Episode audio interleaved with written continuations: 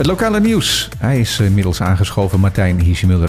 Goedemiddag Martijn. Door de regen heen. Door de regen heen. Ja, ik wil die al niet al te lang voor de deur laten staan. We hebben het even over wat corona-gerelateerd nieuws. Toch nog weer. Want uh, er zijn een paar dingetjes die spelen. Allereerst hebben de grote luchtvaartmaatschappijen die op Bonaire vliegen zelf besloten om de mondkapjesplicht die nog wel geldt niet te zullen handhaven. Ja, diverse maatschappijen en reisorganisaties hebben dat besloten. KLM, Tanzavia, TUI, uh, Corendon zeggen van ja, wij moeten officieel dat handhaven. We zullen nog steeds sterk adviseren om het te doen, maar we gaan niet handhaven. En dat doen ze omdat? Omdat ze denken dat daar erg veel agressieve mensen komen. Omdat er bijvoorbeeld op vliegvelden zelf hoef je dus binnenkort geen mondkapjes meer te dragen. Ja. Nou, opeens in het vliegtuig wel. En ook niet in ander openbaar vervoer in nee, Nederland? Nee, dus uh, er is geen relevantie meer. Nee, geen begrip meer voor nee, en, en geen relevantie. Inderdaad. Nou is er inmiddels wel weer een nieuwe Omicron-variant ook op Bonaire aangekomen. Maar die lijkt ook niet echt veel meer overlast te geven dan de vorige variant. Nee, dit heeft codenaam BA2 en BA1 is de huidige Omicron-variant. Het is ietsjes besmettelijker dan de vorige variant, maar niet echt heel erg ernstig. Nee, en het feit dat het iets besmettelijker is, vertaalt zich waarschijnlijk dan toch dat er wel weer een lichte stijging in het aantal actieve gevallen ja, is. Ja, er wordt nu één keer in de week wordt dat bijgehouden en niet meer dagelijks, omdat de veranderingen eigenlijk niet zo groot meer zijn. Ik zag maandag dat er 43 mensen ziek zijn en um, één iemand in het ziekenhuis ligt. Ja. En dat is dus een lichte stijging, maar niet, niet heel erg alarmerend. Ja, tot slot over dit onderwerp nog even de PCR-test die niet langer nodig is. Ja, de minister heeft een aantal dingen bekendgemaakt over vaccinaties en al dat soort zaken op verschillende eilanden. Waarbij het blijkt dat uh, samen de koploper is in Sint Maarten de hekken sluiten en Bonaire zit op plek 2. Ja. Maar eigenlijk veel belangrijker wat de minister uh, zei, minister Ernst Kuiper van Volksgezondheid, is dat wat hem betreft vanaf uh, 25 maart uh, voor mensen die hersteld zijn of volledig gevaccineerd zijn, het niet meer nodig is om een PCR-test te laten doen als je Bonaire in wilt. Dus je kunt nu gewoon reizen zonder mondkapje en zonder dat je van tevoren hoeft te testen. Vanaf de 25 Vanaf de 25ste, ja. Dan een ander onderwerp. De adjunct eilandsecretaris is naar Nederland gegaan op snuffelstage, zoals ze dat noemen. Ja, Christopher Frans, iemand die uit het uh, topproject komt, het talentontwikkelingsprogramma op waar jonge ambtenaren klaargestoomd worden voor het echte werk en om de zaak over te nemen. Ja. Uh, hij is daar een van de, de eerste die daar uh, uit dat project gekomen is.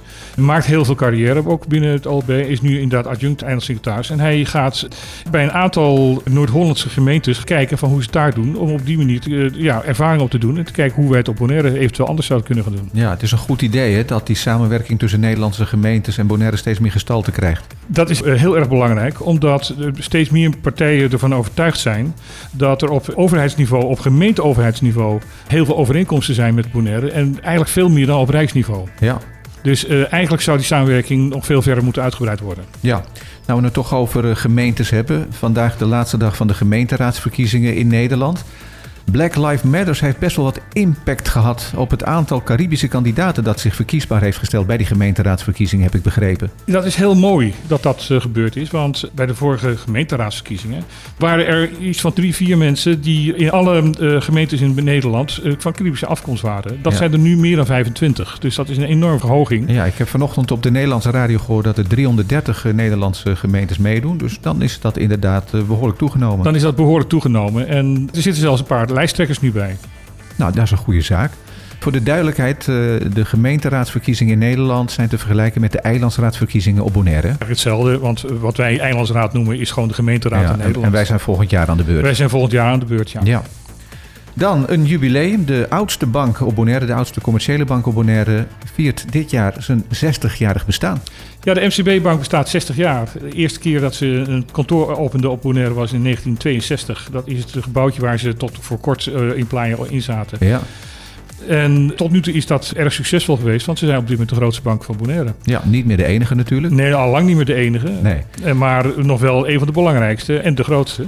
In september gaan ze een aantal festiviteiten organiseren. Daar zullen we nog verder op de hoogte gehouden worden. En ze zeggen van ja, we willen onze dienstverlening verder gaan uitbreiden nog. En een persoonlijke tint is altijd belangrijk voor ze geweest. Ja. Dit allemaal volgens de bank zelf natuurlijk. Nou ja, het, het, valt me wel op dat het wel een bank is die ook vaak het voortouw neemt bij de introductie van bijvoorbeeld de chip op de bankpas of het contactloos betalen. Ze zijn groot genoeg om dat soort ontwikkelingen inderdaad te kunnen volgen vanuit het buitenland. Ze zijn natuurlijk wel een van de duurste banken, want hun service wordt echt goed betaald. Oké, okay. dat terzijde. Ehm, dan nog eventjes naar de oorlog in Oekraïne. Het blijkt dat er veel Russische oligarchen vliegtuigen hebben gestald op Aruba. Dat blijkt erg eh, gunstig te zijn.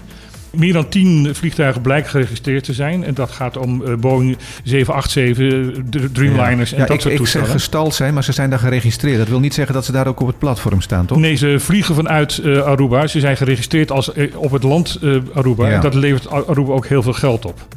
Aruba zegt dat zij de Nederlandse richtlijnen wat betreft de, de, de, sancties. de sancties gaan volgen. Maar tot nu toe zeggen ze ook dat zij de vliegtuigen niet in beslag zullen gaan nemen. Dus als een van die vliegtuigen op Aruba landt, wordt hij niet aan de ketting gelegd? Nee, en dat is natuurlijk een beetje tegenstrijdig met wat er in Nederland en wat er in Europa gebeurt. Ja, dan zijn we toe aan het weer.